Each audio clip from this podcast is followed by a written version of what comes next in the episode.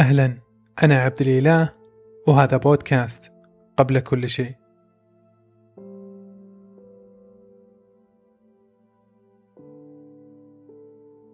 الزير سالم بعد ما قتل أخوه كليب اللي كان ملك على العرب. جاءه وفد من علية القوم بقيادة الحارث بن عباد أو ابن عباد كما يقولون. فقالوا له يا سالم قل واطلب ما شئت فدية لأخيك. فرد عليهم وقال أريد أخي حيا. فعرفوا أنها الحرب. جاء أهل جساس لابن عباد بعد ما رجع يسألونه عن ماذا حدث. فقال لهم ابن عباد طلب أخاه حيا. فقال أبو جساس مرة بن ذهل ما عرفت أحدا عاد حيا بعد أن مات.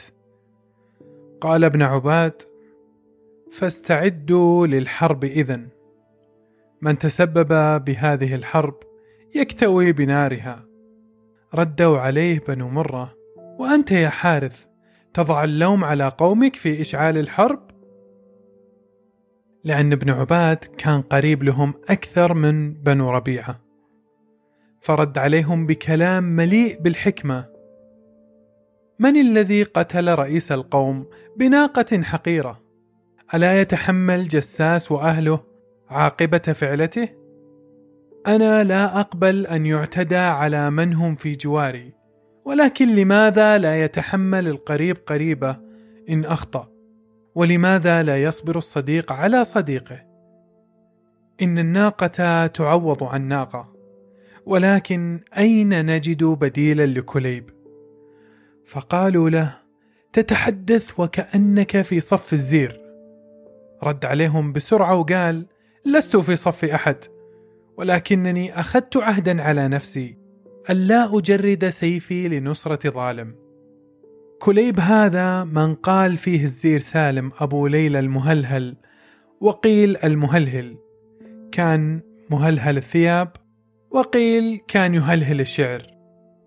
قال الزير قربا مربط المشهر مني قرباه وقربا سربالي قربا مربط المشهر مني لكليب الذي أشاب قذالي قربا مربط المشهر مني مع رمح مثقف عسالي قربا مربط المشهر مني إن قولي مطابق لفعالي. والحكمة لا تعني الجبن أو التخلي عن المبادئ. الوليد لما دعا سيدنا الحسين عشان يطلب منه البيعة ليزيد فقال له نحن لا نطلب منك إلا كلمة فلتقل بايعت واذهب بسلام إلى جموع الفقراء.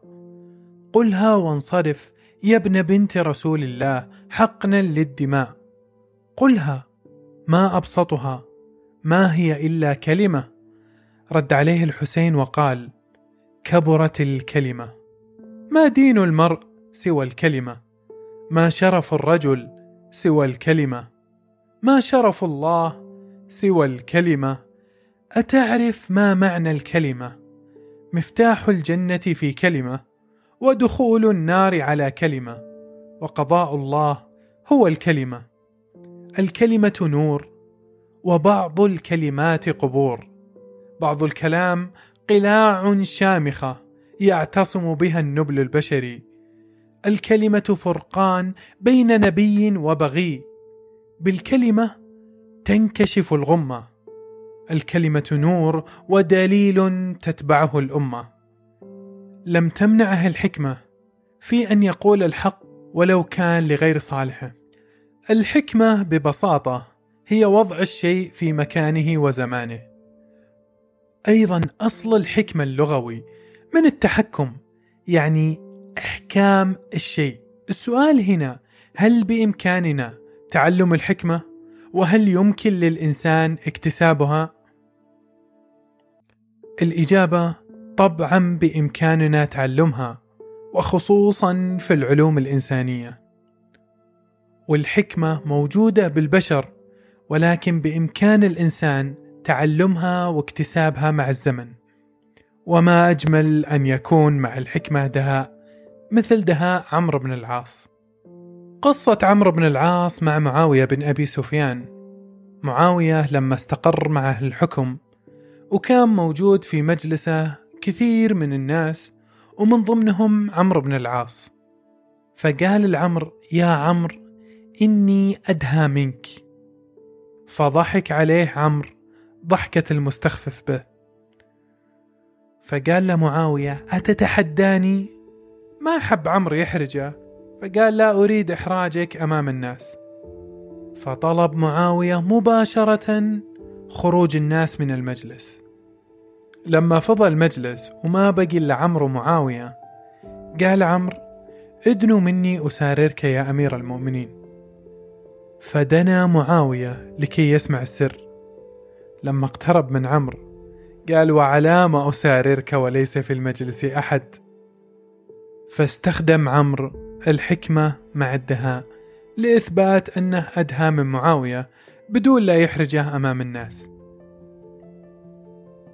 معاوية نفسه عنده مثل مشهور شعرة معاوية واللي أتوقع أن الجميع قد سمع فيها ولكن هل نعرف قصة شعرة معاوية؟ أيضا كان معاوية من دهاة العرب الأربعة وهم عمرو بن العاص معاوية بن أبي سفيان وزياد بن أبيه والمغيرة بن شعبة كلهم كانوا دهاة العرب الأربعة يقال أن أعرابيا سأل معاوية كيف حكمت الشام أربعين عام ولم تحدث فتنة والدنيا تغلي؟ فقال إني لا أضع سيفي حيث يكفيني صوتي ولا أضع صوتي حيث يكفيني لساني. ولو أن بيني وبين الناس شعرة ما انقطعت كانوا إذا مدوها أرخيتها وإذا أرخوها مددتها. من هنا تأتينا الحكمة في التعامل مع الناس أو في حضورنا أمام الآخرين أو حتى في المواقف الصعبة. إلى هنا نكون وصلنا إلى نهاية الحلقة السابعة. إذا أعجبكم هذا المحتوى لا تحرمونا من دعمكم في تقييم البودكاست ومشاركة الحلقة مع كل من تعتقدون أنها راح تكون مفيدة له. في أمان الله.